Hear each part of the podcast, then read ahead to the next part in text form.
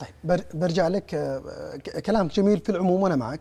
لكني أنا برجع مرة أخرى لتويتر حيث أو شبكات التواصل الاجتماعي اللي تشوفه أنت اللي داير في شبكات التواصل الاجتماعي ما أنا إنه أنتم أنا أقول اللي تشوفه انت خلينا أنا وياك نشوف. طيب ماشي. اللي تشوفه في شبكات التواصل الاجتماعي في الاحتراب الكبير جدا ما بين التيارات واللي ظاهره أحيانا فيه البحث عن الحق واحيانا نعم. باطنه فيه صراع واضح جدا على اقتسام الكعكة. هذا صحيح في المجتمع السعودي حاليا؟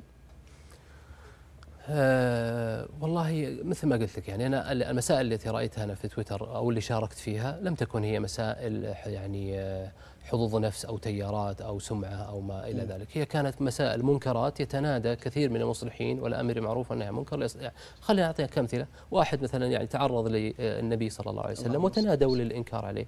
أه مجموعة من التجار هداهم الله. طلبوا أشخاص يزورونهم روسيين في غرفة تجارية.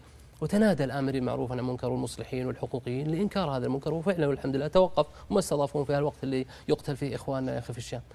وهل مجرى لكن وفي يعني تنادي أيضا لإقصاء أشخاص معينين. في فتاوى بيانات فتاوى تصدر من الإنترنت تصدر من تويتر أحيانا بالقتل بأحكام ردة بأحكام يعني بشغلات معينة يعني أحكام ردة على شخص لا يستحق الردة.